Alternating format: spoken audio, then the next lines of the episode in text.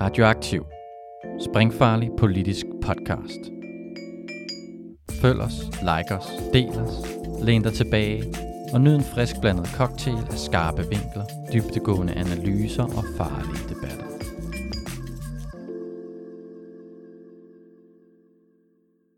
Velkommen til Sanger Mere Værdi, Radioaktivs økonomiprogram. Jeg er jeres vært, Alex Arash San Alsen Kalai. I dag skal vi snakke om genmodificerede afgrøder, også kendt som GMO.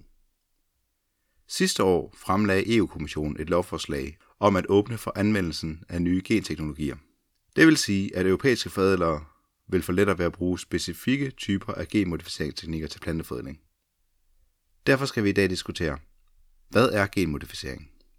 Hvad kan vi se har været de økonomiske konsekvenser af at tillade GMO'er i andre lande? Hvordan bør vi indrette ejendomsretten over planter udviklet via nye genteknologier, hvis målet er at tjene samfundet? Lyt med.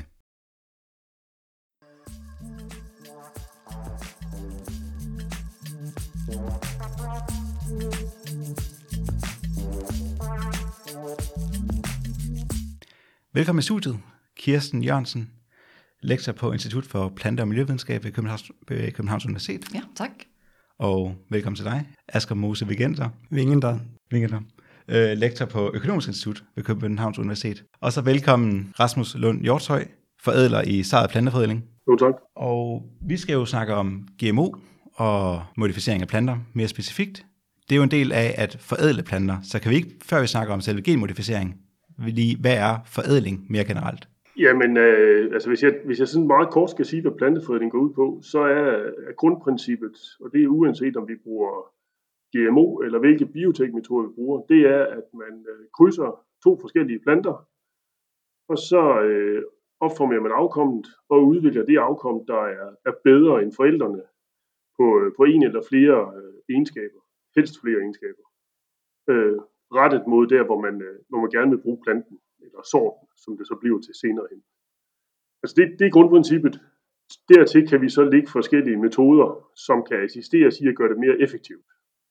Og det kan for eksempel være GMO, som øh, er emnet i dag, men det er også alt fra at kunne øh, teste under forskellige betingelser i drivhus, og det kan være øh, DNA-markører, og det kan være øh, vævskultur, hvor man tager pollenkorn fra en byplante, putter det på noget, der ligner en, en husbladsplade, og så øh, laver det faktisk af sig selv en plante, som er 100% indavlet i, i første hug. Øh, så, så det, det er en bred vifte af teknikker, vi kan bruge, hvor GMO er en af dem. Men, men grundessensen, uanset om vi bruger GMO eller ej, det er, at man kombinerer to forskellige øh, planter, ligesom øh, far og mor, når vi skal lave børn, og så kommer der noget afkom ud af det, og der udvælger man så bare det bedste, modsat med børn. Jeg tænker også på, noget af det, I også altså efterspørger, det er variation. Hvordan man skaber mere variation, som har noget at vælge på. Ja, det, det, er, jo, det er jo, hvad skal man sige, øh, det, er jo ikke, det er jo ikke nok at tage to, øh, to planter, som i forvejen er helt ens. Det skal helst være to planter, som er, er forskellige på, hvad skal man sige, øh, en eller, eller helst flere egenskaber. Øh, sådan at vi får noget variation ud i det afkom, vi har. Øh, og, og det er der, hvor, når emnet nu er GMO i dag, vi ser det store potentiale fremadrettet. Det er muligheden for at skabe den her variation, skabe den øh, mere målrettet, end vi kan med de nuværende teknikker, vi har til rådighed, og gøre det hurtigere, sådan at vi ikke skal bruge de første 5-10 år på overhovedet at, at finde variationen, men selv kan gå ind og lave den, sådan at vi kan skære nogle år af udviklingstiden på en ny sort. Jamen, jeg, jeg tænker også bare på, at en ting er GMO, og det man skaber ændringer, men jeg tænker også på, når vi øh, har talt om forædling længere tid, så er der også mutationsforædlingen, hvor vi skaber variation omkring tingene. Hvor man simpelthen bestråler øh, eller kemisk påvirker, så man får mange ændringer af DNA'et. Udfordringen er bare, at man får alt for mange ændringer, så man skal lede efter den, man gerne vil have. Yes. Så man laver på den måde. Og det har også været brugt i forædling i gennem mange årtier, og mange af vores sorter er baseret på det. Ja. Øh, og det er det, når Rasmus snakker om nogle af de nye teknologier, der kan vi også gå ind og lave mutationer med meget mere præcist. Og når du siger alt for mange øh, mutationer, så er det... Det kan man på meget øh, bestråling eller kemikalier yes. bruger, så er det flere tusinde, øh, måske 100, og så skal man ind lede efter den, man gerne vil have. Og så er det Rasmus skal i gang med at krydse, og skal måske krydse 10-12 år for at komme frem til den, det udtryk, man gerne vil have. og finde ud af, hvad er det for så hvad gen man havde. Og hvis man så har det, han snakker om, en fiskegrå, altså en markør, mm. så kan man gøre det hurtigere, fordi så kan man sige, okay, det er den, der jeg hele tiden efterfølger. Så gen A er i den her, når jeg krydser er den der og der. Yes. Så kan man gøre det nemmere, men man skal have alle de andre væk også. Og det er sådan forædlingen er i dag i Europa, for eksempel? Øh, det kan enten være krydse, eller det kan også være mutationsforædling. Det kan være mange forskellige teknikker, hvor man skaber variation. Men, men, men sådan er forædlingen også øh, i resten af verden. Der er bare, øh, hvad skal man sige, der er nogle steder, hvor man har nemmere adgang til at kunne bruge øh, gensplejsede øh, hvad det hedder, GMO'er øh, ude på markedet og ude i marken. Men, men, men grundessensen i planteforædling, i, om det er USA eller Sydamerika eller Kina, det er stadigvæk det samme, at man krydser to individer og finder det afkom, der, bedst, der, der repræsenterer en forbedring af forældrene samlet set. Øh, og så kan man med klassisk GMO, altså hvor man indsætter et, et gen fra en helt anden plante eller en helt anden organisme, der kan man så tilføre nogle nye egenskaber. Øh, de metoder, vi taler om i Europa i dag, de tilfører egentlig ikke nye egenskaber. De forbedrer de egenskaber, der allerede er. Øh, og det, det er sådan en, en, en vigtig sondring lige at, at have. At, at vi vil egentlig bare gerne være i stand til at være, gøre planterne bedre på mange af de ting, de allerede kan. Yes. Og Rasmus, du brugte ordet klassisk GMO. Så der, det indser jo, der findes flere varianter af GMO. Hvad er de for nogle varianter? Ja, altså, øh, hvad skal man sige, strengt taget, så, øh, så har vi allerede en masse GMO ude på marken. Og, og når vi drikker en øl, og, øh, og vi spiser et franskbrød, og for den sags skyld højst sandsynligt også nogle havregryn, så er det, altså så strengt taget, så er der GMO bag det. Fordi det, som Kirsten omtaler med, med at bestråle eller med, med kemi, hvor man laver tilfældige mutationer, det er juridisk set defineret som GMO, men det er undtaget for regulering. Og det vil sige, at vi kan allerede bruge det i dag, fordi man sådan set ikke laver noget, som planten ikke i forvejen kunne lave. Man gør det bare hurtigere. I stedet for, at vi skal vente øh, 50 år på, at solen den klarer, øh, klarer øh, hvad siger, mutationerne ude på marken, eller at der sker en fejl i forbindelse med celledelingen, som gør, at der indtræffer en mutation, så kan vi ligesom skubbe til, sådan at, at det går hurtigere. Det er sådan den ene type mutationer, eller GMO. Og så er der det, som folk som regel opfatter som en GMO. Det er, når man tager et gen fra en bakterie og sætter ind i planter, eller en regnbuefisk og sætter ind i en kylling, eller hvad det nu kan være. Det er ligesom den klassiske måde at forstå GMO på. Og den er meget, meget tungt reguleret i Europa, og en meget lettere reguleret i USA for eksempel. Og det er derfor, de har dem øh, på markedet og i markederne derovre. Og i Europa, der vil det koste øh, 250-400 millioner overhovedet at få den godkendt, sådan en GMO. Så derfor er der i praksis ikke nogen, der gør det, fordi der er ikke et marked til det i Europa. Det vi snakker om med de nye teknologier, det er egentlig noget, hvor man kan sige, vi kan ikke lave noget decideret nyt, vi kan bare skabe noget mere variation, som Kirsten siger, målrettet. Og det vil vi gerne have, have flyttet over, så det, så det bliver øh, klassificeret ligesom, øh, hvad det hedder, de her metoder, som i forvejen er tilladt, altså med stråling og med kemi, fordi vi mener sådan set, at det er bare det er væsentligt mere sikkert, fordi vi kan styre, at der måske kun sker en eller to-tre mutationer, i stedet for 10.000 mutationer i en plante. Og jeg vil gerne tilbage til at diskutere markedsforhold, men først vil jeg gerne blive lidt mere ved det videnskabelige omkring øh, genmodificering.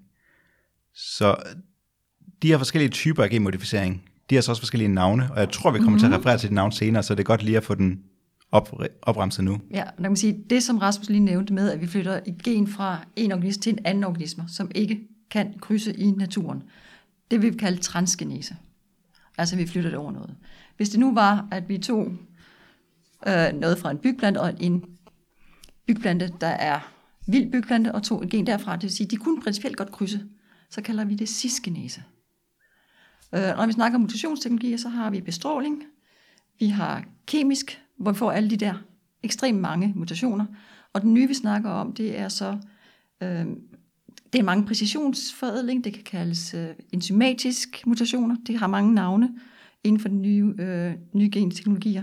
Der laver man en eller kun få mutationer. Men ellers er det samme princip med, at man laver et hak, og planten reparerer sig selv. Mm. Og når den reparerer sig selv, så sker der fejl. Mens de andre, der flytter vi et gen, enten binært beslægtet, cisgenese, eller hvis det ikke er nogen beslægtet, transgenese. Er der så nogle eksempler på nogle genmodificerede afgrøder, vi øh, bruger i dag? Der blev nævnt havregryn før. Der er vi over, som vi, vi begge snakker om det med, at hvis vi ser på den europæiske lovgivning, så har, kigger man på processen, og der betyder det faktisk, det vi lige talte om mutationer, mutationsforædling med kemi og bestråling, det er faktisk er juridisk set en GMO. Den er bare undtaget for lovgivning, hvis den skal ikke registreres som lovgivning. Mm. Det vil sige, havre, byg, ved, mange af de afgrøder, vi spiser i dag, er faktisk baseret på mutationsforædling. Og juridisk set er det en GMO, men den er bare i en undtagelsesparagraf i EU. Og det er fordi, vi er procesbaseret. USA vil være produktbaseret, når de laver lovgivning. Men, og det, det, det er definitionen, der er omkring det. Og det er derfor, Rasmus siger, vi spiser det allerede. Men, men, men, men, men man skal også lige huske på, altså egentlig så er øh, definitionen på GMO altså også den samme i, øh, i USA og Kina. Øh, det er også en GMO derovre, men, men som Kisten siger, de kigger bare anderledes på det, når de skal godkende det. Hvor de kigger mere på, har haft en tradition for at kigge mere på slutproduktet. Og, har gjort, og det har gjort det meget nemmere og, øh, og få det igennem. Hvor i Europa, der vil man være fuldstændig ligeglad med, om det er et regnbuegen fra en, øh, en regnbuefisk, man sætter ind i planten, eller om man flytter det øh, fra en, en vild byg og over i en adapt, eller hvad skal man sige, en moderne byg. Det, det vil man være ligeglad med. Det er den samme regulering, det er den samme godkendelsesproces. Der er amerikanerne sådan lidt mere, de siger, jamen, øh, altså, hvis, hvis I nærmest har flyttet inden fra familien, eller I har flyttet fra en organisme, som i forvejen var gavnlig, så, øh, så skruer vi lidt ned på dokumentationskravene her, fordi så siger vi, at den, er, den var gavnlig, den er i brug i forvejen. Så er det nok ikke helt så farligt. Og man kan også sige, at det der med fra en vildbyg til en anden byg, er, at man i princippet kunne krydse det ind. Og så kunne man have skabt det via ja. normal konventionel forædling. Øh, og derfor siger de, at produktet ville være det samme. Yes.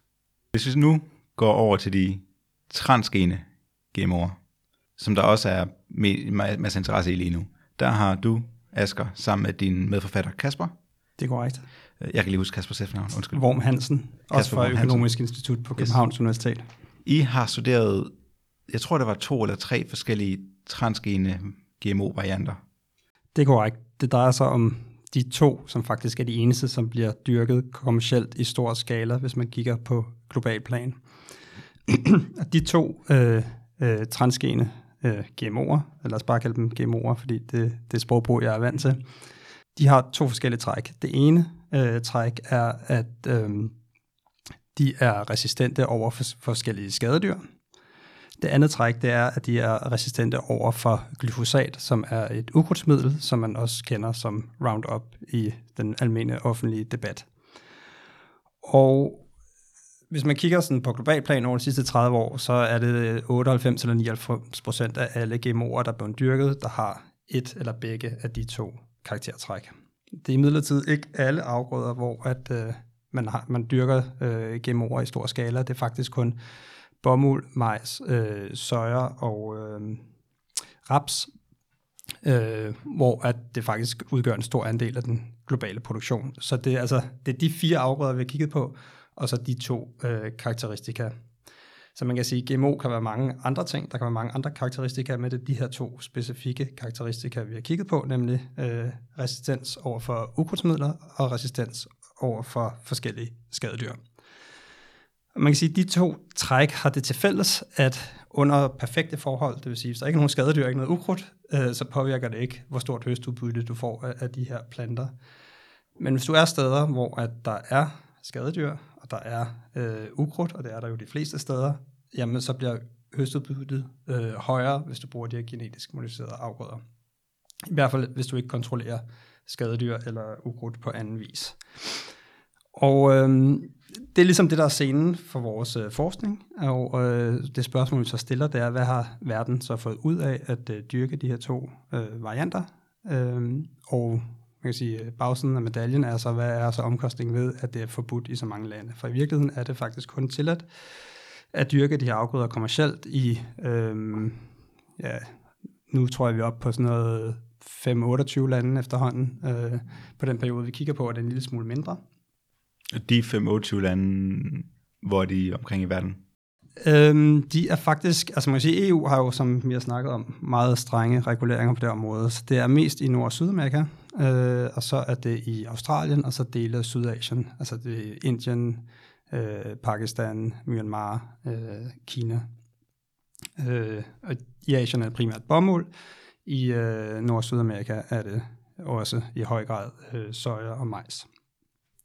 Det, der så er man kan sige, interessant i det her sammenhæng som økonom, det er, at vi er altid optaget af at skille årsag fra øh, virkning. Så det kan være, at øh, vi observerer, at høstudbyttet stiger meget i nogle lande, samtidig med, at de øh, tillader at dyrke genmodificerede afgrøder. Men det kan have mange andre årsager. Det kan være, at de måske bare investerer en masse i deres landbrug, samtidig med, at de ændrer reguleringen. Så man kan ikke rigtig konkludere noget eksakt om det. Øh, man kan selvfølgelig også lave forsøg helt nede på enkelte marker og se, at ja, du får et højere høstudbytte, men det er ikke det samme som, at det giver et højere høstudbytte på nationalplan. Men man kan sige, det smukke i al den regulering, vi har i EU og andre steder, det er jo så, at vi har en helt naturlig kontrolgruppe. Altså, vi kan sammenligne lande, der tillader GMO'er, med lande, der ikke gør det. Vi kan tillade sammenligne afgrøder, hvor der findes GMO'er, med afgrøder, hvor der ikke bliver dyrket GMO, øh, hvad hedder det, kommercielt. Og så kan vi tillade at sammenligne før og efter, at den her teknologi overhovedet blev opfundet og kommercialiseret, som var sådan cirka i 96 rundt regnet. Øhm, når vi bruger det design, jamen, så kan vi så vise, øh, at øh, ja, de her afgrøder, de giver faktisk et højere høstudbytte.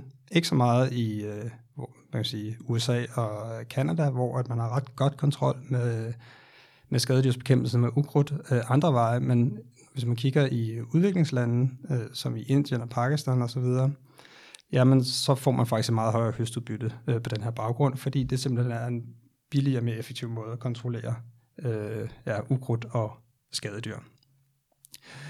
Og øh, når man får et højere høstudbytte, jamen, så betyder det, at man kan dyrke øh, altså flere afgrøder på mindre land. Så det, der, man behøver mindre land i landbruget for at øh, efterkomme den globale efterspørgsel efter øh, bomuld og fødevarer, hvad har vi. Og øh, det vi finder, det er faktisk, hvis man kigger siden øh, 1996 og frem til 2019, hvor vores studie ender, jamen så er verden faktisk sparet land svarende til hele Spaniens areal. Altså, så det svarer til, at hvis vi ikke havde haft den her teknologi, så skulle vi have opdyrket et landområde, der svarer til hele Spanien, for at kunne kompensere på den, for den manglende produktion. Og man kan sige, givet det kun er omkring en tredjedel af, af hvad man sige, den samlede landproduktion, landbrugsproduktion i verden, af de her fire afgrøder, hvor at det faktisk er tilladt at dyrke de her, jamen så betyder det også et ret stort øh, økonomisk og for den sags skyld miljømæssigt potentiale i at indføre eller legalisere teknologien øh, globalt set. Så det tror jeg var i, øh, eller måske ikke helt korte træk, men i hvert fald i træk, noget af det, som vi har kigget på. Du sagde, at øh, effekten var forskellig i øh, varme, land, varme fattige lande i forhold til nordlige rige lande. Ja. Hvor stor var den forskel? Jamen, altså hvis du kigger øh, i for eksempel øh, i, i USA, ikke? Øh, der er selvfølgelig lidt usikkerhed forbundet med de estimater, fordi vi er oppe på det her meget store globale makroniveau. Øh, men så ser vi faktisk, at der ikke rigtig er nogen øh, skal man sige, forventet høstudbytte øh, effekt i USA, fordi at de allerede i forvejen øh, bekæmpede øh, skadedyr og øh, ukrudt på anden vis. De har så bare gået over til genmodificerede afgrøder, hvor de kan gøre det billigere, og derfor tjener øh, landmændene flere penge. Men de steder, hvor du ikke bruger pesticider i forvejen, for eksempel, der får du ret stort høstudbytte af at introducere de her øh, øh, genmodificerede varianter, som er resistente over for skadedyr. Hvad så med forskellen på, der var flere forskellige afgrøder, jeg så på, bomuld, ris, majs og sådan noget. Bomuld, bomuld majs og raps og soja. Okay, bomuld, majs, raps og soja. Var der også for, øh, samme effekt på tværs af de forskellige afgrøder? Øhm, vi ser lidt større effekter på, på bomuld end de tre andre, og det er formentlig, fordi bomuld er lidt mere øh, udsat over for insektangreb, end de andre tre er. Øhm, men derudover, for de tre andre, der er, øh, der er i hvert fald ikke sådan statistiske forskel på, hvad vi kan observere i data, i hvert fald ikke på det her niveau. Hvis man går ned på små studier på enkelte marker, mm. vil man muligvis kunne finde forskelle, men ikke på det her meget store globale niveau. Og så et sidste spørgsmål, før vi fortsætter. Der var jo de her to varianter. Det ene med at være, mm. en at være resistent over for ukrudtsmiddel, mm. og det andet med at være øh, selv at bekæmpe skadedyr. Ja. Var der forskel på de to? Eller er- var det datasæt, Vi sige kan det? ikke rigtig adskille det i data, men man kan sige, for bomulds tilfælde, det er jo øh, mange af de bomuldsvarianter, som bliver dyrket i Asien for eksempel, de har kun øh, skadedyrs øh, genet i sig, eller bekæmpelse af skadedyrsgenet i sig, og det er jo der, vi finder det største effekt. Men om det har også noget med det specifikke gen at gøre, eller noget med, at det bliver dyrket steder, hvor at de her betyder rigtig meget, det kan vi ikke rigtig afgøre med det data, vi har. Okay, ja. Men spændende. Kirsten, det her, øh, den her artikel har jo undersøgt ja, GMO-planter, der var enten resistente over for ukrudtsmidler, eller som selv bekæmpede skadedyr. Øh, men der findes jo også mange andre potentialer for, for GMO-teknologier, antager jeg. Ja, det gør det. Altså, det er stadigvæk det, jeg kalder det første generation. Det var engens øh, GMO'en, der blev udviklet i første omgang, øh, som var nemme at arbejde med og nemme at sætte ind, og også var efterspurgt en masse ting. Men ellers har man jo arbejdet med mange andre ting. Altså resistens har været, fordi det er meget landbrugsorienteret, så resistens har været der. Der er forskellige papaya, som min også nævnte i jeres artikel, omkring, øh, der har man skabt øh, virusresistens, som var et problem faktisk, og der har man faktisk nedsat trykket for virus, også i den økologiske dyrkning lige ved siden af. Netop fordi man har nogen, der er resistente, og så har man faktisk kunne hjælpe både den konventionelle og den økologiske dyrkning omkring de her ting her. Øh, Og så er man også begyndt at kigge på mere kvalitetsparametre omkring det, øh, ud over det rent dyrkningsmæssige. Mm. Øh, men mange af de næste skridt, det kræver flere gener, altså der er flere elementer, man skal ind og optimere på. Okay. Øh, og der er det igen, at hvis man så går tilbage til mutationsfordeling, hvis det er bare en fuldstændig tilfældig, hvor det kommer, så er den der kombination af eksempel af tre, vil være svært at finde, for det, det er et spørgsmål om sandsynlighedsregning omkring de ting. Og derfor er nogle af de nye teknologier, hvor man kan sige, okay, jeg skal ramme A, B og C, så kan vi gå ind og gøre det meget mere direkte omkring de her ting her. Så der er en naturlig udvikling også i den viden, vi har videnskabeligt, og hvad kan vi gøre i forhold til udviklingen af afgrøderne. Og det er også med krydsninger at finde de afgrøder og egenskaber, kræver en dyb viden omkring det. Og der er kvalitet en af de næste. Robuste planter, vi ser jo klimaændringerne, øh, og det er også nemt nævnt, det er der, hvor der er største ændringer, at man ser den største effekt. Øh, hvordan kan vi få til at modstå både tørke og for meget vand? Jeg tror nok, øh, i år var ret slemt både med tørke og meget vand. Altså det med vandstress i hele taget i planter. En af tingene, som man arbejder med. Og så er der hele plantebaserede fødevarer. Kvalitetsparametrene. Hvis vi kender mere til det, kan vi gå ind og ændre nogle af de ting her. Øhm, og ellers er der arbejde med mange andre ting i forskellige afgrøder. Faktisk er der mange afgrøder, man arbejder med GMO, hvis man ser det globalt set. Øh, men igen tilbage til, de to, der nævner, det er de klassiske. Jamen, så er der jo et andet vigtigt spørgsmål i forhold til GMO, det er altid ejerskabet. Fordi at når man nævner øh, det her med GMO, så er det jo også altid, det er, det er noget, der kan være dyrt at udvikle.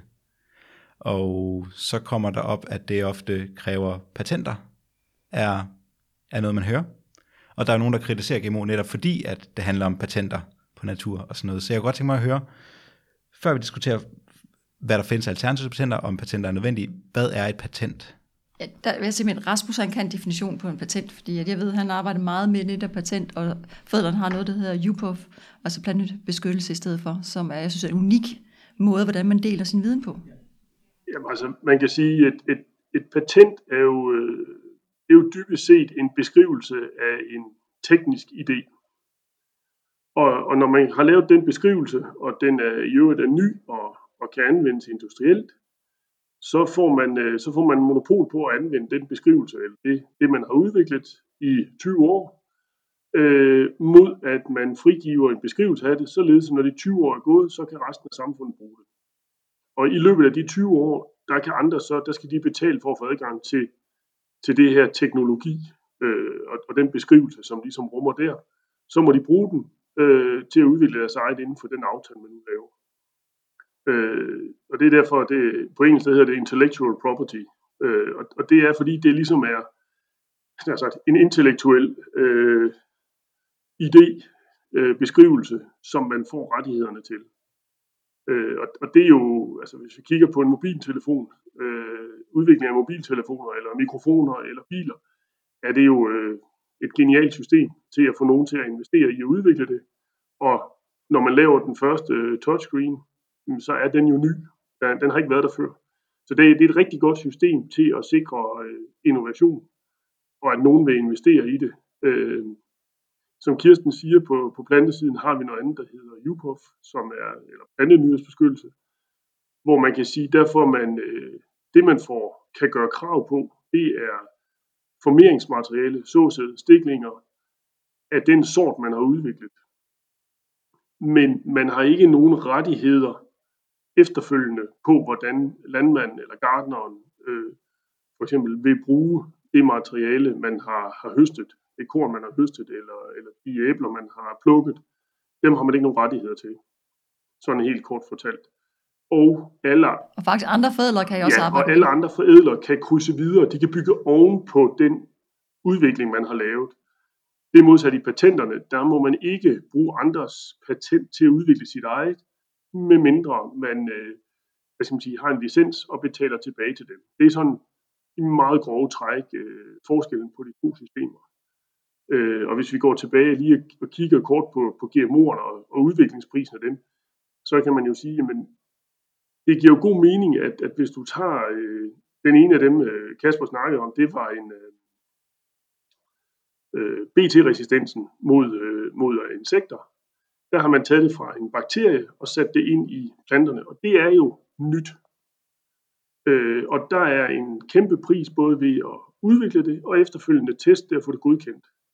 Og hvis nogen skal lave det, jamen så skal der også være en mulighed for, at man ligesom kan få pengene retur. Fordi ellers så skal jeg helt sige, så står vi andre fødeler meget hurtigt klar til at krydse med det og smide det ind i vores materiale. Fordi at der er kæmpe fordel, hvis du kan lave insektresistens. Øh, både med og uden sprøjtemidler er der kæmpe fordel. Så der er systemet ligesom bygget op med henblik på, at man kan, øh, kan få ja, return of investment. Man kan få, man kan få pengene, man har investeret retur. Øh, og det, det kan vi ikke med plantenyhedsbeskyttelsen. I samme øjeblik en sort kommer på markedet, så, øh, så bliver den tilgængelig for alle os andre, og så starter vi med at krydse med den. Så vi bygger hele tiden oven på de andres, og det kan vi gøre gratis.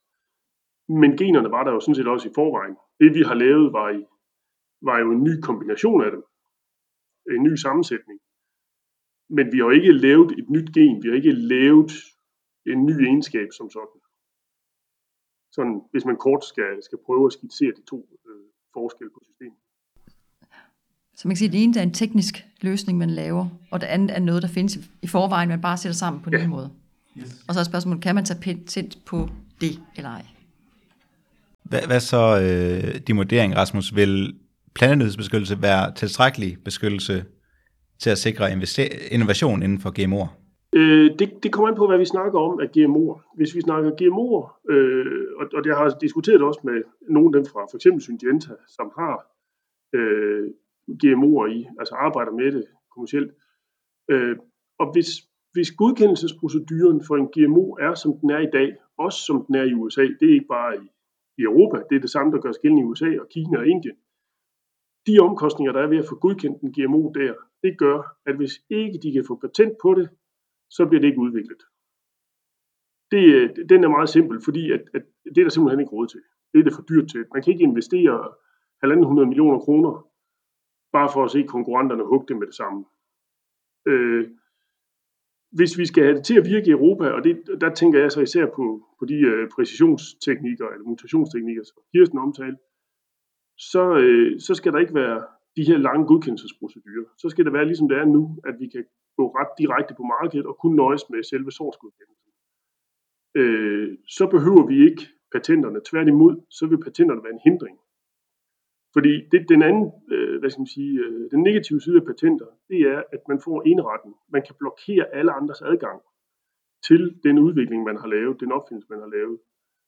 Øh, og, og det vil sige, at, at hvis man for eksempel finder et godt resistensgen i en plante og tager patent på det, så er der ingen andre, der kan arbejde med den resistens, medmindre de betaler licens til en. Øh, så i det tilfælde, der, der vil det bare blokere, og der vil det sænke innovationen, fordi så bliver det bare et ræs om, og, og ligesom han har sagt, det vilde vesten, og, altså hvor det bare galt om at høvle ud over stepperne, og sætte nogle hegnspæle op, og så begrænse de andres adgang. Og det er sådan delvist ved at ske allerede i Europa. Øh, så i det tilfælde, der vil de have en klar negativ effekt. hvis ikke vi får lempet på reguleringen, således at det bliver muligt at bruge de her teknikker uden at skulle øh, ofre en kvart milliard i bogstavelforstand, så, øh, så, så vil patenter være helt afgørende for, at, at de kommer i brug. Hvad er nogle eksempler på en regulering, der så er brug for at blive lempet? Jamen altså, øh, hvad kan man sige? Det, det der er, nu snakket øh, Kasper meget om, øh, hvad det hedder, øh, øh, det, altså det gode ved, ved de her egenskaber. Og, og, og hvis man sådan kigger økonomisk på, at så er de gode, og så derfor så bør vi kunne gøre det lettere adgang. Der skal man jo bare huske på, at vores lovgivning baserer sig på et forsigtighedsprincip. Fordi det de, og det har de jo også testet i USA, de har bare en lettere vej igennem det. De tester jo også, om der er negative effekter ved de her GMO'er. Altså, hvad, hvad koster de miljømæssigt? Hvad koster de på sundhed og det? Øh, og der er det klart, hvis vi indsætter noget helt nyt øh, fra en helt anden organisme, så vil man naturligt sige, at der er en anden risikoprofil. Det kræver en anden øh, godkendelse. Det vi gerne vil have, det er, at vi siger, jamen hvis vi laver noget, som planten i forvejen kunne lave, det kan være, at det tog 25 år at finde en mutation ude i marken, eller vi skulle krydse tilbage øh, 25 gange, før, før det var noget, der gav, der gav mening. Men det var stadigvæk noget, der bare kunne ske, og som ville ske. De metoder, dem vil vi godt have lov til at bruge, frigive sorterne, markedsføre dem, uden at vi skal have dem godkendt i en lang, stor procedure. Øh, og vi vil godt have, at man kan høste dem, og man kan bruge dem i bageriet eller malteriet, uden at man skal til at mærke tingene med, at de er GMO. Hvis vi kan få fjernet de faktorer, eller de restriktioner, så, øh, så, vil vi, så vil vi kunne levere. Øh, og så vil vi kunne bruge øh, ret hurtigt kunne bruge teknikkerne i vores øh, plantefredning. Men hvis vi skal igennem en, en kæmpe procedure, hvor man skal have godkendt for alt muligt mærkeligt, øh, så, så dør det på det. Kirsten, må jeg så høre, som naturvidenskabelig person, mm. øh, vil du, mener du, at det nuværende sikkerhedsregime, eller testregime, der er, er øh, tilstrækkeligt, for meget, for lidt? Hvis man ser på den måde, som GMO'en, jeg mener stadigvæk skal, skal testes, men det er også, som Rasmus snakker om, at det skal være lidt kortere tid omkring det. Samtidig, hvis man bare tager forædling, så tager det jo allerede ja, på en god dag vel 8 år om at få en sort, og hvis jeg så også skal vente 8-10 år for at hele lovgivningen, eller hele testen går igennem. Det er helt klart, at vi skal teste de egenskaber, der er. Det er derfor, vi også snakker om, at man skal skelne mellem transgenese, hvor vi flytter noget, man ikke er fra en organisme til en anden, som man ikke ved, hvad reagerer, over til, at hvis man har en fra en vild byg til en almindelig byg, cisgenesen, så er det noget, vi kender i forvejen. Det er noget, man har spist før. Altså at sige, man skal se på, hvad den risiko, der er med det, man flytter. Hvis vi ser på mutationsforædling, jamen hvis man går ind og siger, mutationsforædling i dag, den giver 1000 ændringer, og nu går vi ind og kun lave en, og så kan vi gå ind også og analysere, om den ene ændring giver en forskel. Fordi man kan da meget nemmere gøre det meget mere direkte, når man tester de her ting, inden man sætter på markedet. Øh, men hvis man ser på almindelige fredning af mutationspopulationerne, så bliver de jo ikke testet, før de kommer på markedet. Øh, og der må man se også lidt på sideholdet de procedurer, vi har i dag, i forhold til de teknologier, vi får i dag. Og hvad er det for en gevinst, vi får ud af det. Der bliver også noget bæredygtigheds øh, i det. Hvis vi skal vente 20-25 år, hvis vi nu har den almindelige forædrings, og så skal vi ud og have regulering som dag og få testet det igennem den, jamen det er meget tunge regime, vi har i dag, eller omkring de her, jamen så går der 20 år, inden vi måske kan løse et øh, klimaproblem. Og der er måske også en anden aspekt, vi skal begynde at tage ind i det, uh, omkring de her ting her. Uh, og så er det tilbage til, kig på de teknologier, og hvad er, gør de i forhold til det, vi gør i dag konventionelt. Ja. Men jeg mener, vi, altså, vi, vi søger om, uh, hver gang vi laver noget på laboratoriet nye projekter, så søger vi godkendelse omkring det. Vi beskriver projektet, vi beskriver de miljømæssige påvirkninger omkring det, og det skal vi stadigvæk som forsker skal man stadigvæk have etik bag sig og vide, mm. hvad man gør. Ja. Og det prøver vi at give videre også til studerende. Altså, det skal man stadigvæk have. Altså, det er i hvert fald min holdning det. Men vi kan sagtens gøre det lidt lettere, end det er i dag. Jeg skal synes, om du har noget, du gerne vil sige? Eller? Nej, det var egentlig bare øh, sådan et øh, lidt bredere sammenhæng, så kan man sige, at ja, vi har patenter for at sikre innovation i den private sektor, for uden ejendomsrettigheder til det, du opfinder, så kan du ikke tjene penge på det. Men vi har også, også jeg må sige, offentlig forskning og udvikling, som foregår på universiteter og andre steder, som er lidt en, samme, eller lidt en anden måde at komme ud om det samme problem, nemlig at der ikke er tilstrækkelig innovation i samfundet, hvis ikke man aktivt griber ind. Det kan være ved at subsidiere universiteterne, eller det kan være ved patenter. Men sådan noget regulering, som der bliver omtalt her, det slår også innovation ihjel på universiteterne. Så det er ikke kun den private sektor, der går ud over, det er faktisk også forskning på, på Københavns Universitet og andre steder. Altså, vi kan ikke komme videre med vores forskning, fordi så bliver vi jo lukket. Hvis vi vil gerne lave et markforsøg, så kan vi måske få lov i lille skala. Hvis vi skal ud og se, hvordan ting kan reagere, så er vi jo under, underlagt samme regulering, som de andre er. Men, men, jeg, men jeg synes jo så bare, at, at øh, nu, nu handler snakken i dag jo sådan mere om måske om IP-økonomi sådan overordnet set, men, men i forhold til regulering, man skal også bare huske på, at det er jo et forsigtighedsprincip. Og øh, i samme øjeblik, man begynder at fjerde, flytte noget på tværs af organismerne, så laver man noget, naturen ikke har set før. Øh, og, og der kan være nogle risikofaktorer ved det. Øh, og vi har jo, altså på sin vis kan vi jo bare kigge ud i vores, vores natur, så kan vi jo se, at øh, altså øh, morhunden, den blev indført, øh, fordi den var godt pelsdyr over ved Uralbjergen i Rusland øh, og sluppet fri, fordi så havde jægerne noget at skyde. Og nu har den jo bredt sig helt herop og er et kæmpe skadedyr. Øh, Stillehavsøsters troede man ikke kunne formere sig i Vadehavet. Øh, og så glemte de det med, hvad det hedder, en enkelt vinter nede omkring øh, Holland, den hollandske øh, del af Vadehavet og sådan noget lignende. Og øh, lige pludselig, så kunne de godt formere sig i, herop, og nu har de spredt sig op til, til Limfjorden. Man er også nødt til at respektere, at, at, at det der er med, med, med planter, og for den sags skyld dyr, hvis vi genmodificerer, det er, at vi slipper også noget løs, vi ikke kan kontrollere. Så, så en eller anden grad af regulering er jo nødvendig. Og, og den anden side af det er jo også at øh, definere noget, der er godt. Altså jeg vil jo, altså jeg synes Kasper, det, er, det irriterer mig, at jeg ikke har læst øh, artiklen selv først. Øh, fordi at, at, at, jeg synes jo, det er jo øh, at dels glimrende at få sat op, hvor store gevinster der er. Altså på det, glem, når vi lige snakker lille Danmark her, hvis vi snakker areal, areal på størrelse med Spanien, som dybest set øh, er sparet til natur eller til andre afgrøder, fordi man har, man har udviklet noget her, ikke?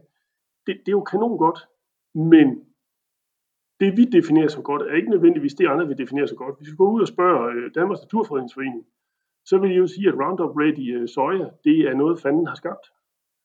Altså herbicider er noget, fanden har skabt, øh, og Roundup. Men hvis vi kigger på det fra et mere landbrugsmæssigt perspektiv, så vil vi sige, hvis du har en herbicidresistens mod øh, for eksempel øh, Roundup, glyfosat der, så kan du minimere dine ukrudtsprøjtninger. Du skal ikke ud og give 5, 6, 7 forskellige sprøjtninger med forskellige midler for at holde ukrudt nede. Du kan nøjes med én sprøjtning, måske på et senere tidspunkt, og så kan du tage det hele, og afgrøden bliver stående. Fordi alt det, øh, hvad skal man sige, biomasse afgrøden laver ude i marken, det tager den stort set direkte fra afgrøden. Så der er et kæmpe tab for landmanden, hvis han har for meget ukrudt. Det er kanon at kunne have, have den derude. Men, og det vil især hvad skal man sige, dem, der har udviklet det, selvfølgelig sige, det er et kæmpe plus. Kasper han siger, at hans økonomistudie øh, siger, det er et kæmpe plus. Spørger vi nogle øh, naturorganisationer, så vil de sige, at det er det værste, der er nærmest er sket. Så, så hvornår definerer vi, hvad der er godt og skidt? Øh, det, det bliver der også nødt til at være en eller anden form for kontrol med, når vi begynder at lave noget nyt. Øh, og spørger man forskerne, så vil de altid kun det bedste. Men igen, hvad, hvad er definitionen på det bedste? Den, øh, der, der synes jeg nogle gange, man, man, skal, sådan lige, man skal lige huske på, at øh, hvad skal man sige, der er også et behov for at regulere nogle af tingene. Jeg ved ikke, om jeg kom med en gammel anekdote. Danisco øh, i sin tid lavede jo en, en Roundup Ready sukkerro og lavede forsøg, og jeg var ansat i Danisco på det tidspunkt. Og netop som du siger, det der med, at man kan sprøjte færre gange, når man bruger Roundup i forhold til det, viser faktisk også, at biodiversiteten i insekterne omkring det faktisk var højere, fordi man sprøjtede senere. Så man bevarede faktisk en højere biodiversitet ved at bruge Roundup i sukkerroerne omkring det. Det var så på de forsøg, vi gjorde det, for vi skulle jo analysere, når man nu havde lavet en GMO og der havde vi faktisk forsøg en del år igennem, og så, at vi faktisk havde også nogle andre effekter omkring det, hvis man bruger det, og bruger det korrekt. Men, men, men skal vi kigge på det økonomisk, så kan vi så også vente over at kigge sådan noget som Roundup-resistens, eller det kunne, der er også andre af de der øh, resistenser mod herbicider. Det er omvendt også en egenskab, den vi man godt kunne lave med præcisionsfredning, fordi vi ved nøjagtigt, hvor øh, sprøjtemidlerne virker, så man vi kunne gå ind og mutere i de gener, der bliver påvirket, eller de proteiner, som de går ind og rammer. Så det vil man højst sandsynligt kunne lave ved, ved noget andet end mutationsforskning, faktisk. Og øh, den øh, insektresistente majs, som er, er den, jeg tror, Jasper især har set op fra, fra USA, som giver en, et, øh, et godt udbytte, og også andre, øh, glyfosat, insektresistente majs, ja. Den, øh, faktisk, så, øh, så var der et fredningsprogram, et mindre fredningsprogram over i USA, som havde den fundet den naturlige variation, fordi planten selvfølgelig, hvis der er en skadevolder, så udvikler den også en resistens. Øh, men det blev opkøbt af, af det firma, som havde BT-resistensen, og så lukkede de programmet ned, fordi de havde ikke, øh, det, det var ikke en egenskab, de havde patent på. Så det ville være kommet ud i det frie marked, og det havde de egentlig ikke behov for, fordi de havde det meget bedre med, at de kunne kontrollere egenskaben via deres patent med, med BT-resistensen. Så, så både når vi kigger reguleringer, og når vi kigger IP, så er det sådan et øh, mm. lidt brugt billede nogle gange på, hvad der måske er bedst i den ene eller den anden situation. Og det er rigtigt nok, man kan finde herbicidresistent naturligt også, altså Roundup-resistens. Den finder man også naturligt, fordi det er en enkelt mutation, der skal til faktisk. Øh. Så tror jeg, at det her det, spring, det leder til andre kritikpunkter i forhold til GMO. Vi har snakket lidt om, om den her form for kritik, der er, at øh, vi råder med ting, som vi ikke forstår, det kan, derfor kan det være farligt eller usundt. Øh, men kan vi lige, snak, kan vi lige sådan mere eksplicit snakke om øh, den, før vi fortsætter? Det der med, at vi råder med ting, vi ikke forstår, der, der vil lidt tilbage til, at, at i forskningen prøver vi at råde med ting, som vi faktisk forstår og prøver at få en viden omkring at kunne gøre. Mm. Det er ret komplekst, hvis vi skal ind og ramme hvis vi snakker om nye teknologier, så skal vi vide, hvilken gen vi rammer. Det skal, vi skal gå ind og kende de procedurer, der er, den måde planten reagerer på. Så derfor kræver det faktisk meget, meget stor, dyb viden omkring det. Undskyld, jeg tager motionsforledning op igen. Motionsforledning kræver ingen viden. Der kan man jo sådan set bare bestråle, og så kan man gå ind og finde den, som man gerne vil have. Men der glemmer man stadigvæk, der kan ligge nogle mutationer rundt omkring, som man ikke kender. Øh, så i dag kender vi meget, meget mere omkring de gener, der er i planterne. Hvad gør de? Men vi er ikke helt i dybden endnu. Altså, vi mangler stadigvæk de helt komplekse egenskaber, øh, som jo faktisk er nogle af klimaegenskaberne. Der, der mm. mangler vi en viden stadigvæk.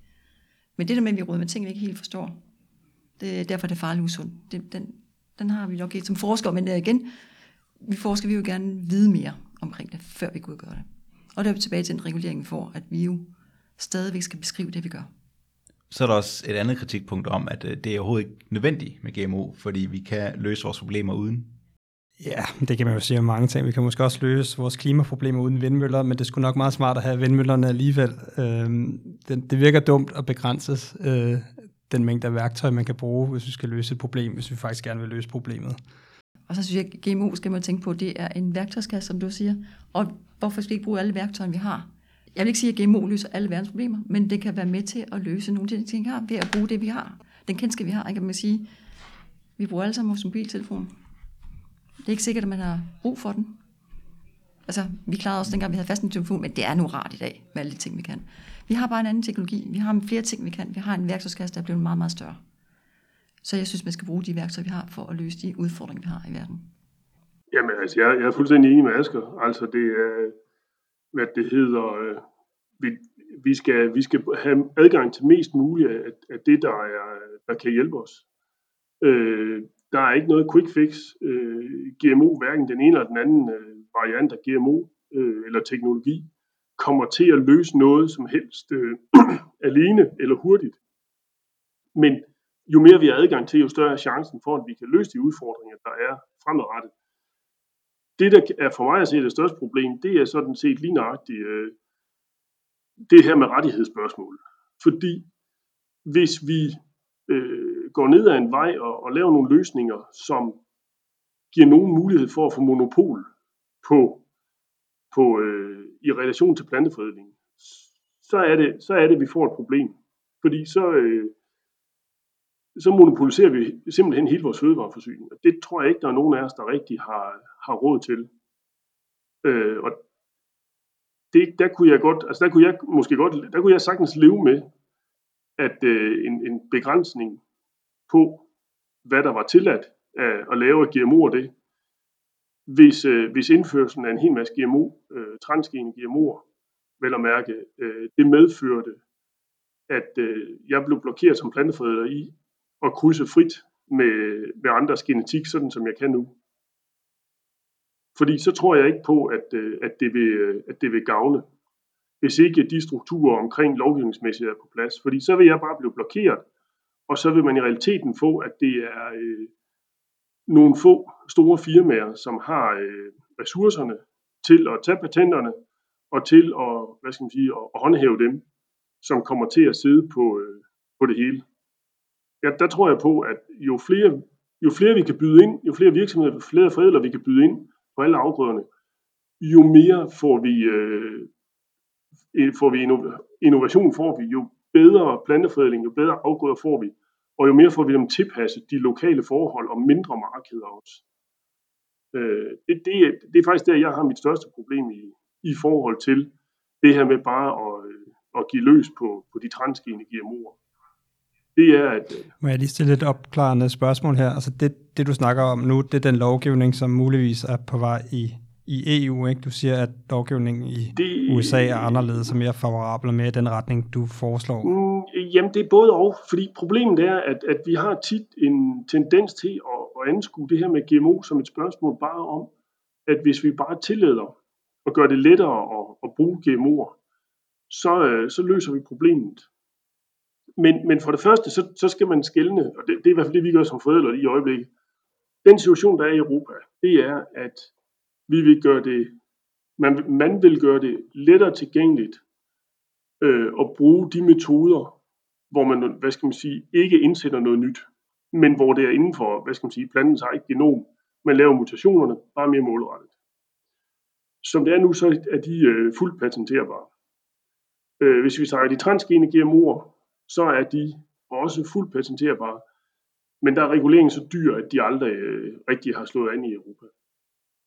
For begge deles vedkommende, hvis vi nu siger, at vi bare slog dem over en og tillod dem, så er problemet, at, at i samme øjeblik, du begynder at have øh, et eller flere gener i en plante, der er patenteret, så hvis jeg bruger den plante til at krydse med over mit eget materiale, så kan jeg først bruge afkommet i det øjeblik, at, øh, at jeg har selekteret alle, udvalgt valgt alle de linjer fra, der indeholder et patent. Et eller flere patenter. Dem skal jeg, øh, dem skal jeg vælge fra, når jeg får afkommet. Øh, og, og sådan lidt, øh, hvad skal man sige, genetikfagligt, så kan man sige, hvis lad os sige, der er fire øh, patenterede gener, uanset hvordan de, øh, de så er lavet, i, øh, i den ene af mine forældre, som er, øh, og det kan være, vi kan sige, det er herbicidresistensen, det er øh, insektresistens, det er virusresistens, og så er det et eller andet andet. Men den er også, den er bare super god i kernekvaliteten. Og det er egentlig det, jeg godt vil, vil krydse over i min egen, som er, som er resistent nok i forvejen. Når jeg laver den krydsning, hvis der var et patenteret gen, så kunne jeg bruge halvdelen af det afkom, jeg lavede og kunne vælge ud ude i markedet. Hvis det er to, så er det en fjerdedel. Hvis det er 3, så er det en 8. del. Og hvis det er 4, så er det en 16. del. Det vil sige, at jeg risikerer lige pludselig at skulle lave mit program 8-16 gange større, for bare at have det samme materiale at vælge ud i, med mindre jeg vil til at betale licens til nogle andre, eller med, og nogle andre kan kontrollere, hvilke markeder jeg kan sende mit materiale hen til. Som det er lige nu, så sender jeg mit vinterbyg rundt i hele Europa. Øh, fra Frankrig øh, i øh, den ene retning til øh, Serbien, i den anden til øh, Sverige, til Baltikum, til England, Tyskland, Polen osv. Hvis der lige pludselig er patenter, jamen, så skal jeg til at forholde mig til, at det ene patent, det er nogen, der har rettighederne i Frankrig. Så skal jeg lave en aftale med dem. Så skal jeg lave en aftale i Serbien. Det bliver enormt kompliceret. Øh, og, og hvis jeg skal til at ottedoble mit forædlingsprogram, bare for at have det samme, så bliver det dyrt.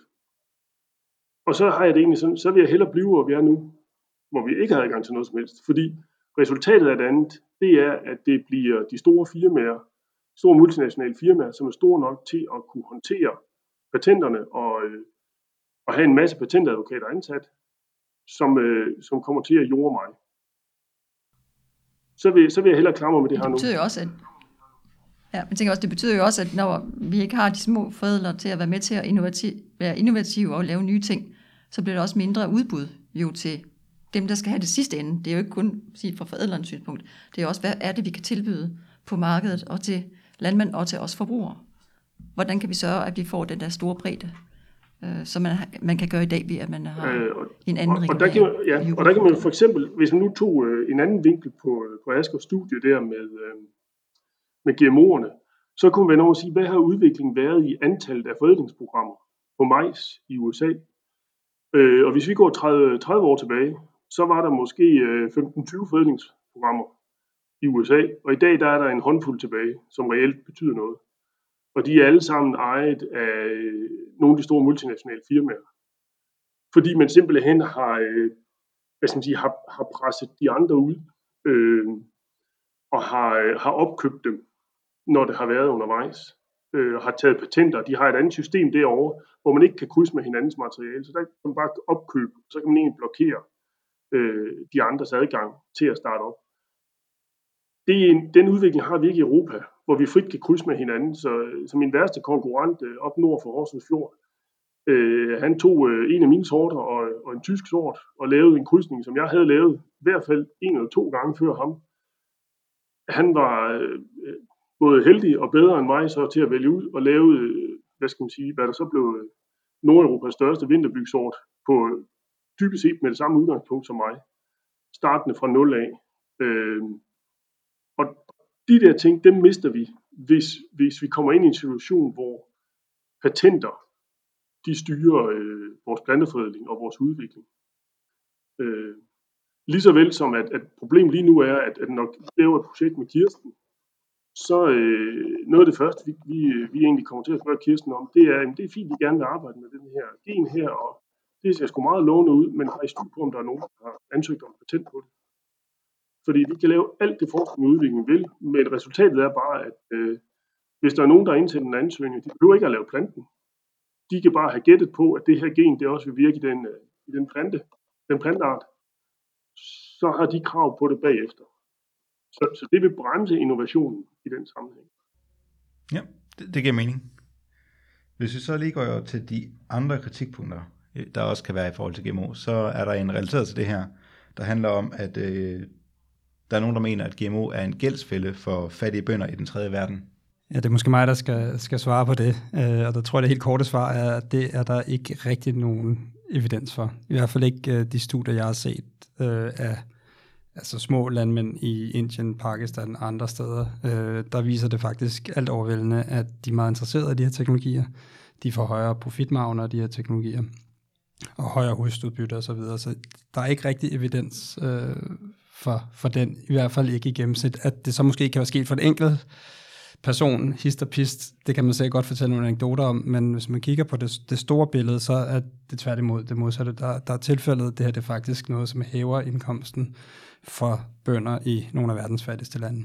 Også tilbage til, som jeg undersøgte, det der med, at faktisk, hvis de se, de får et større udbytte, og dem, der køber det, så er de også sikret deres indkomst. Det vil sige, at de faktisk kan på den måde hæve deres standard. Mm. Der, der, kan vi sige, der kører vi jo faktisk lidt, lidt tilbage til, til IP-systemet igen, fordi det, der også er i det, det er jo, at, at der er jo, når det, et firma sælger såsæd øh, i Europa, der har vi et rigtig godt system, sådan at vi samler licenser ind, selv når landmand bruger sin egen udsæde til at øh, øh, så igen året efter. Men i mange af de her lande her, der har du ikke sådan et system.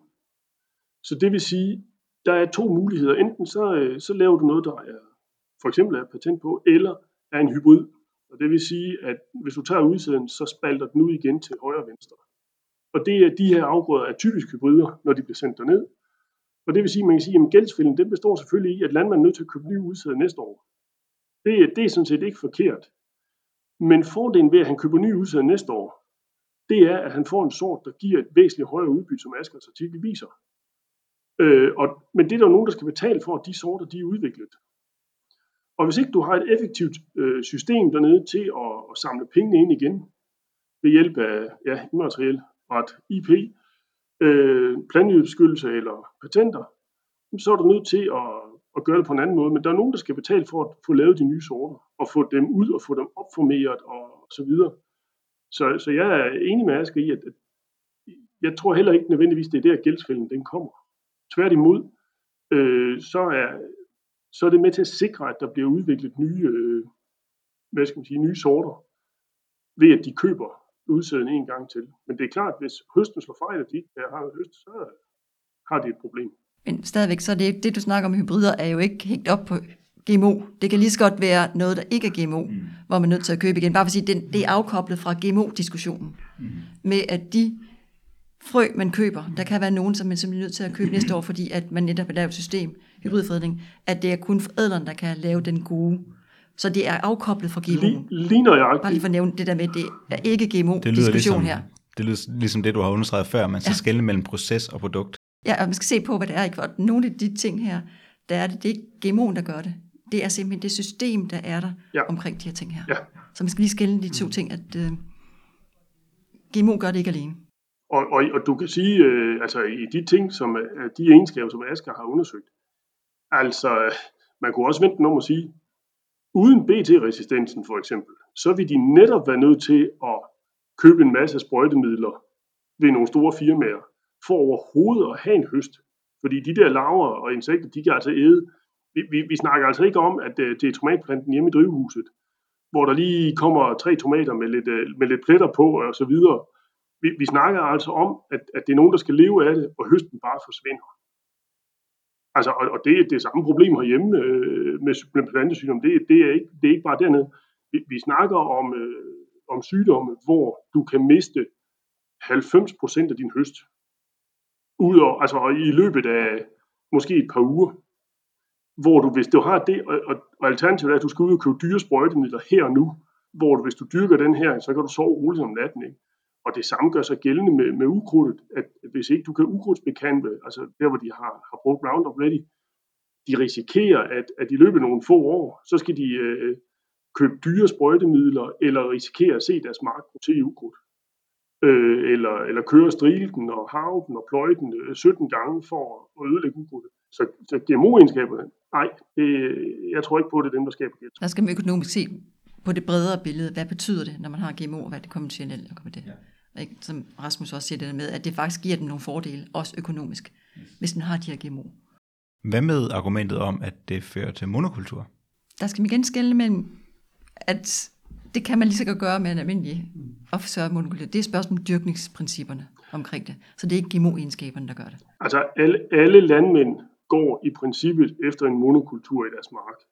Fordi det er den måde, de får det højeste udbytte på, og de får den bedste kvalitet. Ja, marken per år, ja, men næste år kan det godt ske, at de dyrker noget andet. Ja, altså, øh, hvad kan man sige, øh, hvis, du, hvis du laver en mark, der, du, hvor du blander hvede og, og byg, så kan du altså ikke sælge den til hverken malt, til øl eller til, øh, til brødhvede, ikke? Plus at du måske har forskellige høsttidspunkter. Altså, det gælder også om, du vil have en afgrøde, som er moden på det samme tid. Så du kan starte med at høste, og så kan du køre igennem marken. Øh, at du ikke skal stå og skelne mellem de enkelte planter. Øh, det er heller ikke, det har ikke noget med GMO'en at gøre egentlig. Øh, Men, man kan, men der er faktisk lidt en paradoxal effekt her, for man kan sige, at den her regulering, vi har af GMO'er i Europa, gør jo, at vi for eksempel ikke er specielt konkurrencedygtige på sojaproduktion sammenligning med Brasilien for eksempel, hvor at øh, GMO øh, soja er tilgængelig. Så, så noget af det, vi også skal se i vores data, det er, at, at den her regulering af genmodificerede afgrøder har også ført til en stigende specialisering i, i de lande, som tillader det. I de, der er det selvfølgelig de afgrøder, hvor de er tilgængelige kommercielt. Hvorimod vores del af verden, der specialiserer vi os så i afgrøder, hvor der ikke dyrkes GMO'er kommercielt globalt set.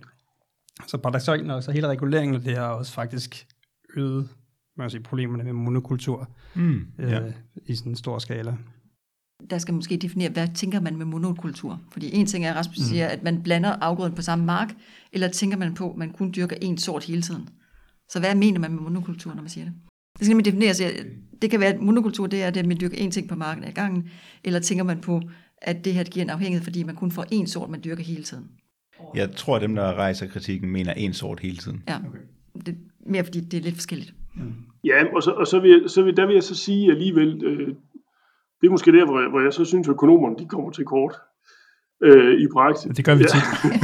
Fordi at, at øh, lige der, der vil jeg så sige, at, at sådan noget, om du dyrker soja det ene eller andet sted, det betyder også, øh, klimaet betyder meget. Øh, fordi du kan være om at sige, at majs dyrker man rigtig meget i Europa også.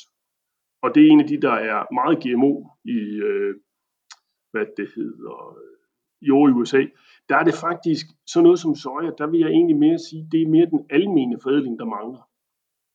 Det er, det er at, øh, at finde de sorter øh, og forædle sig frem til nogle sorter, der kan klare os under vores klimaforhold og give et tilpas højt udbytte til, at det kan betale sig at dyrke dem.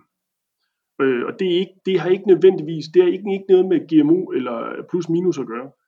Øh, det har simpelthen noget at gøre med, at man bare ikke har forædlet intensivt på, øh, på soja i Europa, men man er faktisk begyndt at gøre det øh, konventionelt, øh, altså uden GMO.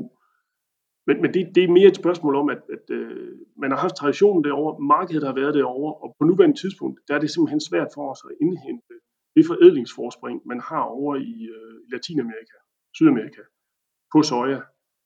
Øh, fordi de har de er mange år foran i at tilpasse sorterne lokalt. Altså, man skal huske på, det kan godt være, at vi siger, at de laver GMO-forædling. Ja, de har indsat øh, Roundup Ready på et tidspunkt, men derefter har de faktisk kørt helt almindelig forædling på soja. Fordi at, at det er stadigvæk, GMO'en, den giver ikke noget i forhold til tilpasning til sygdomme, altså Roundup Ready. Glyfosatresistens giver ikke noget tilpasning til sygdomme. Den giver ikke noget tilpasning til daglængde, til temperatur, øh, proteinkvalitet, alt alle de ting, der kører en løbende forædling. Øh, og, og der er vi simpelthen, øh, der er vi kommet bagud i Europa, når det gælder soja. Det var så der, hvor, øh, som, som Alex snakkede om det der med, om, om man skulle have noget offentligt. Ja, i, skulle vi tænke noget offentligt ind i Europa i forhold til forædling, og også GMO og IP, så skulle det være at lave noget af det her, vi kalder det pre-breeding, noget øh, indledende forædling, således at man fik bragt en afgrøde op på et niveau, hvor det var realistisk for øh, de mere kommercielle øh, forædlere at tage over.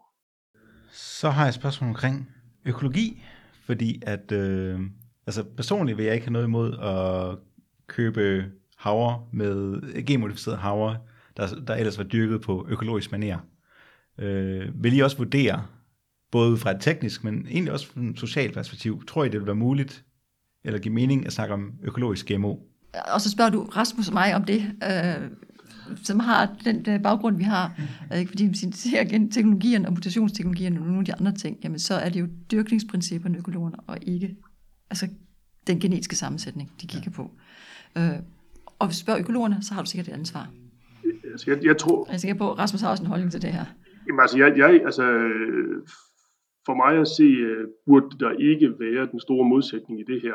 Tværtimod, så mener jeg, at, at økologerne er også kvæg Asger studie, faktisk dem, der kan få aller, aller mest gavn af det her, fordi det er dem, der ikke har mulighed for at, øh, og øh, groft sagt at sprøjte sig ud. De har ikke mulighed for at behandle sig ud af problemet. Og, og når vi snakker sygdom og skadedyr, så snakker vi altså om at miste øh, basalt hele, hele udbyttet. Altså der er noget fødevaresikkerhed, der er, der er sikkerhed i det, der vil, de øh, vil have kæmpe fordel ved det. Øh, jeg tror ikke nødvendigvis, det er de danske økologer, der er, øh, hvad skal man der er hovedpinen, i, set fra mit synspunkt, i den her sammenhæng. Øh, men i, den, i forum i det, i det internationale øh, eller europæiske økologer, der er der større modstand mod øh, at tillade nogle af de her teknikker, og nu, nu siger vi GMO bredt, men, men det kan være alt lige fra de her, eller CRISPR, præcisionsmutagenese, og så kan det over til det transgen. Der, det er der modstanden den er, øh, også mod, mod de her præcisionsteknikker, mere end ved de danske økologer, tror jeg i hvert fald. Det er mit indtryk. Og det er ikke noget med, at økologerne herhjemme, de er lidt splittet, hvad, hvad de, nogen synes, det er fint nok at bruge, og andre, de er lidt mere, at det gør man ikke, fordi det er definitionen på økologi. Ja. Så jeg tror også lidt, man spørger om, hvem man spørger af økologerne i Danmark. Ja. Men helt klart, i Europa er de mere imod teknologien, end at se på, hvad det faktisk kan bringe af hjælp til dem også. Jeg mener også, at argumentet, det var den aften med debatomlægget, hvor jeg talte ja. med dig første gang, ja. Kirsten, øh, at det hørte jeg argumentet om, at det kan godt være, at Økologisk Landsforening vil have det fint nok som organisation, mm. men de vil frygte, at det vil skabe for meget tillidsbrud blandt forbrugerne, og derfor vil de ikke ønske at tillade det.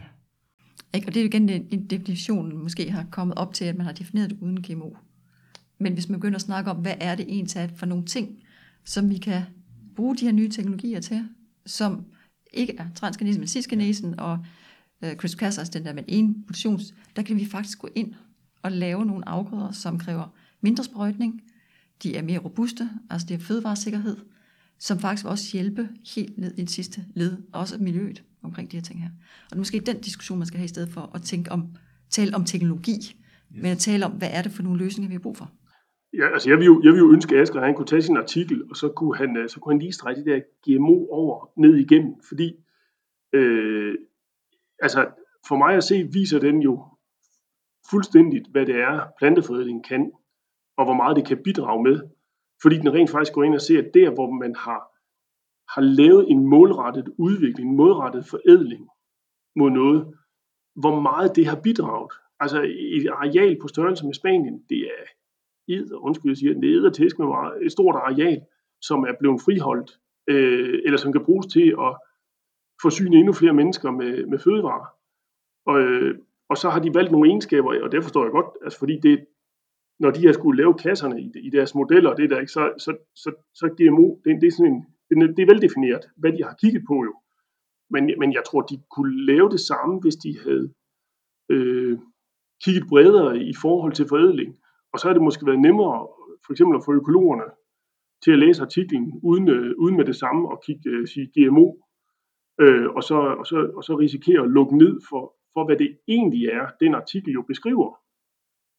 Øh, for den beskriver jo, hvor meget man kan nå, og det, og det er to egenskaber, de kigger på. Altså det, øh, det er jo lidt vildt, desværre må jeg nok også erkende, ikke? men altså det er det, det er lidt vildt, at det, det er så meget. Jeg kan måske indskyde, at vi faktisk har lavet en anden artikel, som handler om den grønne revolution i øh, mest i udviklingslandene, ja. øh, startende tilbage i 50'erne, hvor vi kigger på de her high yielding varieties, altså hvad hedder det, sorter med højt høstudbytte. Og der finder vi også altså faktisk ret store effekter. Ja. Øhm, faktisk så kan vi, hvis man tager alle de afsmittende øh, effekter af højere høstudbytte i udviklingslandene med i betragtning, så omkring halvdelen af den økonomiske vækst, der har været i man sige, den tredje verden mellem 1965, hvor den grønne revolution startede, og så frem til 2010, hvor vores studie ender, der er der omkring 50 procent af den økonomiske vækst, der kan tilbageføres til planteforædling og afsmittende effekter. Og det er jo selvfølgelig også, fordi landbrugssektoren er så stor i de her lande. Mm-hmm. Så hvis man øger høstudbyttet rigtig meget i et land, hvor 80% af befolkningen ejer, øh, arbejder i landbruget, så er der rigtig store effekter. Altså, altså faktisk, det sjove er jo så, at en grøn revolution er faktisk øh, den eneste gang, hvor, hvor noget relateret til fødevareproduktion har fået Nobels fredspris. Det var jo faktisk Norman Borlaug, der fik den for den grønne revolution. Øh, og for at spænde den over til GMO'en, så det han fandt, det var jo øh, en, i Pakistan øh, en sen aften, hvor der var en studerende, der hævde ham til side. Jeg har, har historien fra, jeg var en tur, jeg læste i Mexico, øh, at der hævde ham til side og viste ham noget hvede, som var meget kortere end alt andet. Og så kiggede han, så tænkte han, det der, det kan noget. Det er kortere, har et tykkere strå, det kan bære større aks. Og efterfølgende, så fandt man jo så, hvilket gen det var. Og så er der netop blevet lavet de mutationer, som Kirsten udtalte om tidligere. Både kemisk og med stråling er netop blevet lavet for at få kornsorterne ned i en lavere højde. I de tilfælde, hvor man ikke lige kunne finde genet i det materiale, man havde i en genbank. Og teknisk set, så er det GMO'er. Så teknisk set, så har GMO faktisk, øh, eller ikke teknisk set, det har det reelt øh, en hel del med den grønne revolution at gøre også. Det er jo bare på en meget mere, hvad skal man sige, rå og, og tilfældig maner, at man, øh, at man kom frem til det. Øh, men, men, men helt tilbage der, der har, der har vi faktisk det, som vi juridisk definerer også som GMO. Man glemmer, at mutationsforædling faktisk har betydet utrolig meget for udviklingen af de sorter, vi har i dag. Men der lavede man bare 10.000 mutationer i én plante. Og så håbede man på, at, at, øh, at der ikke fulgte alt for meget lort med over, når man, eller dårligt, når man, når, man, når man tog den plante der, som havde den rigtige højde. Det er det, vi med de nye metoder, der vi kunne gå ind målrettet og, og sige, at det, det er bare kun lige det her, vi kigger på. Når vi kender generne, der er bagved det. Så fra den grønne revolution til den grønne omstilling, har genmodificering også en rolle at spille øh, i forhold til klimaforandringer og i forhold til også ønsker om at få en mere vild natur, eller, eller endda mere vild landbrug, øh, så, vidt det, så vidt det giver mening at sige i sammensætning. Jeg, jeg tænker, jeg vil nok opdele, fordi med den grønne revolution, og hvad er det, vi skal ind og har brug for med hensyn til plantefødning, der kan vi gå ind og gøre det meget mere målrettet. Vi kan også med de nye teknologier gå ind og målrette, som jeg nævnte før, det der med, at hvis vi skal have mutationer i tre gener samtidig, Mm. Nogle af de komplekse egenskaber, der er, er multigen. Det ved vi. Så vi skal have flere ændringer på én gang, så er vi også nødt til at kunne gøre det lidt mere målrettet, inden vi skal vente på, at øh, vi får en sandsynlighedsregning af de 10.000 lige pludselig sammen, eller vi skal til at krydse det sammen med nogle af de her ting her. Så nogle af de ting, vi står for, altså klimaudfordringerne, også fødevaresikkerhed, øh, mindre pesticid, herbicid, forbrug, mange af de andre ting, har vi nogle toolbox. Ikke for at sige, at de kan løse det hele, men for at sige, at vi har nogle toolbox, hvor vi går ind og bruger dem alle sammen, for at finde løsningerne. Lidt hurtigere, end hvis vi skal krydse, eller vi skal, når Rasmus skal ud og have 100.000 for at måske finde en, der, der er god inden for de her egenskaber, så kan vi gøre det lidt hurtigere ved at bruge nogle af de egenskaber. Men vi skal have en viden bagved det også. Så, og så er det... Og der er det gode med motivationsforlægning. Der, der, der skyder vi med faktisk med havl, ikke? og så rammer vi alle mulige steder, og håber på, at vi rammer det på rigtigt sted. Men, men det vigtige, det er, at det foregår i en ramme, hvor det ikke bare giver nogen mulighed for at patentere og blokere adgangen til at arbejde med de her egenskaber. Øh, altså som det er i dag, og det, det, det er et relativt konkret eksempel, så er der et firma, som har taget patent på øh, fordøjelighed i majs, eller rettere sagt på selektion, det vil sige øh, udvælgelse af linjer, der har en højere fordøjelighed, øh, som er koblet til, øh, til et bestemt sted på et kromosom. Og, det, og der har de fået, uden at de, øh, hvad skal man sige, jo egentlig har lavet noget, så har de sagt, jamen øh, alt 10% af det her kromosom, al udvælgelse af bedre fordøjelighed, hvis det, hvis det knytter sig til noget derindenfor, det er de patent på. Så ingen kan udvikle DNA-markører, ingen kan selektere på baggrund af det. De har også sagt, hvis der er nogen, der muterer et gen ind i det her interval, som ligner et andet et, et gen, som de så har, har, har øh, listet, og det giver en øget fordøjelighed, så tager vi også patent på det. De har ikke fremstillet mutanterne. De har ikke øh, på den måde gjort noget som helst. De har bare været de første til at lave igen, hvordan fungerer et patent. De har været de første til at beskrive, at på det her sted på kromosom 9, der ligger et gen, eller flere gener endda, det ved de faktisk ikke. Der ligger noget genetik, som giver en bedre fordøjelighed. Det tager vi patent på at udvikle planter af. Og så kan de skrive sig videre frem. Vi tager egentlig også patent på øh, landmandens høst og hans ensilage, hvis den baserer sig på majs fra en af de her sorter, som er udvalgt på grund af det her. Og det er der, hvor problemet kommer ind med patenter i planter, for der er ikke, det er jo ikke fordi, de har lavet noget nyt. De har bare beskrevet det før os andre. Hvor man kan sige, var det mobiltelefon, eller for den sags skyld noget nyt medicin, så var det jo nyt, det var ikke beskrevet i forvejen. I de fleste tilfælde i hvert fald, og ellers så bliver det forhåbentlig ikke til et patent. Men her, der kan du fuldt ud gøre det. Og det vil være et problem, hvis vi får adgang til de her teknologier, fordi øh, det, det man risikerer, det er bare, at, at vi får mere og mere, der bliver blokeret. Øh, på, den, på, på baggrund af nogle, nogle beskrivelser af et eller andet. Jeg tror, det er gode ord til, ord til at med, øh, hvorfor det er vigtigt at beskæftige sig med. Mm. Så vil jeg sige uh, Kirsten Jørgensen og Asger Mose Vingender og Rasmus Lund Hjortøj. Tak for, at I ville være med. Selv tak. Selv tak.